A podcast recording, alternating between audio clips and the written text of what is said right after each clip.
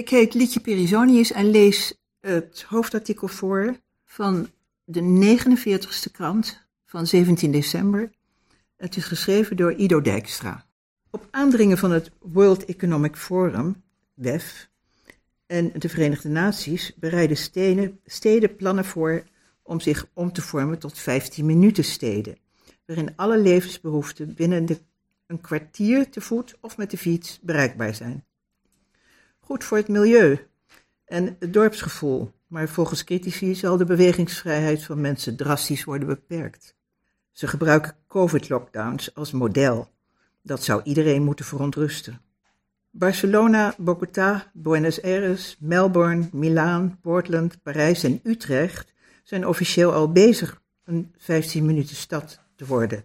Zo laat globalistisch stedennetwerk C40, de Cities Climate Leadership Group, weten. Het gaat om een nieuw concept om het klimaatakkoord van Parijs te halen, stelt het UNFCCC, de VN-organisatie die jaarlijks klimaatconferenties organiseert.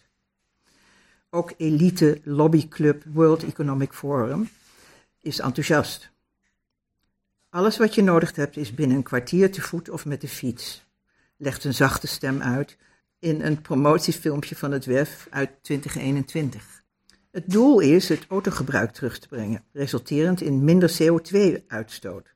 Gevolg: schonere lucht voor een aangenamer leven in de stad. Zo heet het. Het WEF vindt dat meer steden in de wereld het concept snel moeten omarmen. Naarmate klimaatverandering en wereldwijde conflicten meer spanningen veroorzaken met snellere tussenpozen en toenemende ernst, zal de 15 minuten stad nog belangrijker worden, staat in het WEF-artikel. The surprising stickness of the 15-minute city, zo heet het artikel. Het WEF suggereert dat mensen die in de eigen buurt vertoeven beter voor elkaar en de directe leefomgeving zullen zorgen. De Engelse stad Oxford heeft al gehoor gegeven aan de oproep van het WEF. De stad van de wereldberoemde universiteit die nauw samenwerkt met het WEF en ook het WEF-concept van de vierde industriële revolutie, het idee dat de mens en technologie moeten samensmelten, toejuicht, wil vanaf 2024 de stad in zes districten verdelen waartussen beperkt autoverkeer mogelijk is. Dat heeft tot een storm van kritiek geleid. Het gaat niet om het milieu, maar om de controle, stelt Noorse de Noorse schrijver Bjorn Andreas Bill Hansen. Ze zijn de mobiliteit van de bevolking aan het beperken, zei de bekende schrijver en spreker David Icke. Ze gebruiken de klimaathoax en COVID om vliegen en rijden aan te vallen. De gemeente Oxford spreekt tegen dat de regulering gepaard zal gaan met wegblokkades en checkpoints bij de districtsgrenzen, zoals critici beweren. Er komen geen fysieke barrières en er worden ook geen wegen gesloten, staat op de website van de gemeente. Iedereen zal te alle tijden naar een ander district mogen per bus, fiets, taxi, scooter of lopend.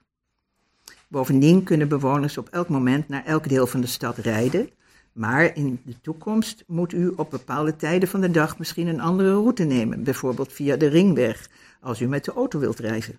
Er zullen wellicht geen roadblocks komen, maar er zijn andere manieren om bewegingen van mensen te controleren, suggereert de Britse journalist James Woodhuizen. Op het eerste gezicht klinken deze buurten van 15 minuten misschien prettig en handig. Er zit echter een dwingende kant aan, schrijft hij in The Madness of a 15-Minute City op zijn website bouthuizen.com. De gemeente is van plan het autogebruik en de files terug te dringen door strenge regels te stellen aan autogebruik. Bewoners zullen hun auto's bij de gemeente moeten registreren, waarna ze tijdens hun reizen gevolgd worden. De gemeente Oxford geeft ook ronduit toe dat er verkeerscamera's geplaatst zullen worden die nummerborden kunnen lezen. Wouthuizen voorspelt dat dit zal leiden tot een sociaal creditsysteem dat autogebruik op een onaangename manier gaat ontmoedigen. Volgens de nieuwste voorstellen kan een inwoner van X, Oxford, die meer dan 100 dagen per jaar buiten het aangewezen district rijdt, een boete van 70 pond krijgen. In een andere historische Britse stad, Canterbury, ligt eenzelfde plan klaar. De bekende Britse politicus Nigel Farage, de man achter de brexit, roept bewoners daarop in verzet te komen. Hij voorziet climate change lockdowns.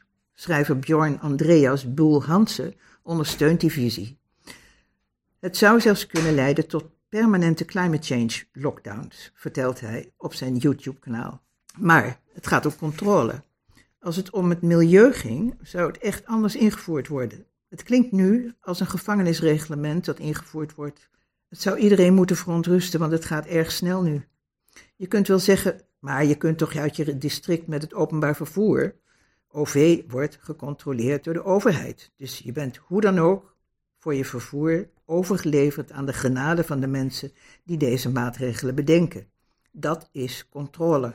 De Australische Joanne Nova schrijft het boek The Skeptics Handbook. Verbaast zich over de manipulatie in het narratief.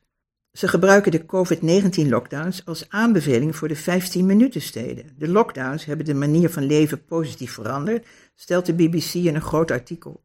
Over Parijs werd geschreven dat de mensen zich, dankzij de beperkingen van de lockdowns, voelden als een inwoner van een dorp. Kom op, je buren beter leren kennen is toch geen motivatie voor een lockdown. Onder de noemer beschermen van het milieu zullen ze voor, vooral gaan volgen en beperken in je bewegingen voorspelt ze. Er zijn volgens Nova al veel meer, veel meer steden dan alleen het rijtje van de C40 die het concept 15 minuten stad aan het uitrollen zijn. In Nederland is dat in elk geval Utrecht. De Domstad legt de lat zelfs nog een treetje hoger en wil 10 minuten stad worden met vier nieuwe stadscentra. Die moeten snel bereikbaar zijn vanaf woon- of werkplek, zo staat in de ruimtelijke strategie Utrecht 2040, RSU 2040. Als meer voorzieningen op 10 minuten afstand liggen, promoot dat actieve mobiliteit. En het is voor de inclusiviteit beter, want iedereen kan zo meedoen. Ook als je bijvoorbeeld slechter been bent, is er toch groen dichtbij.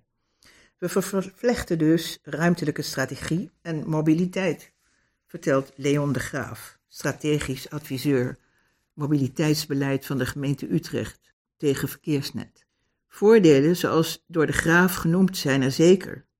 Maar voorstanders benadrukken alleen deze en negeren de praktische problemen, zegt Wouthuizen.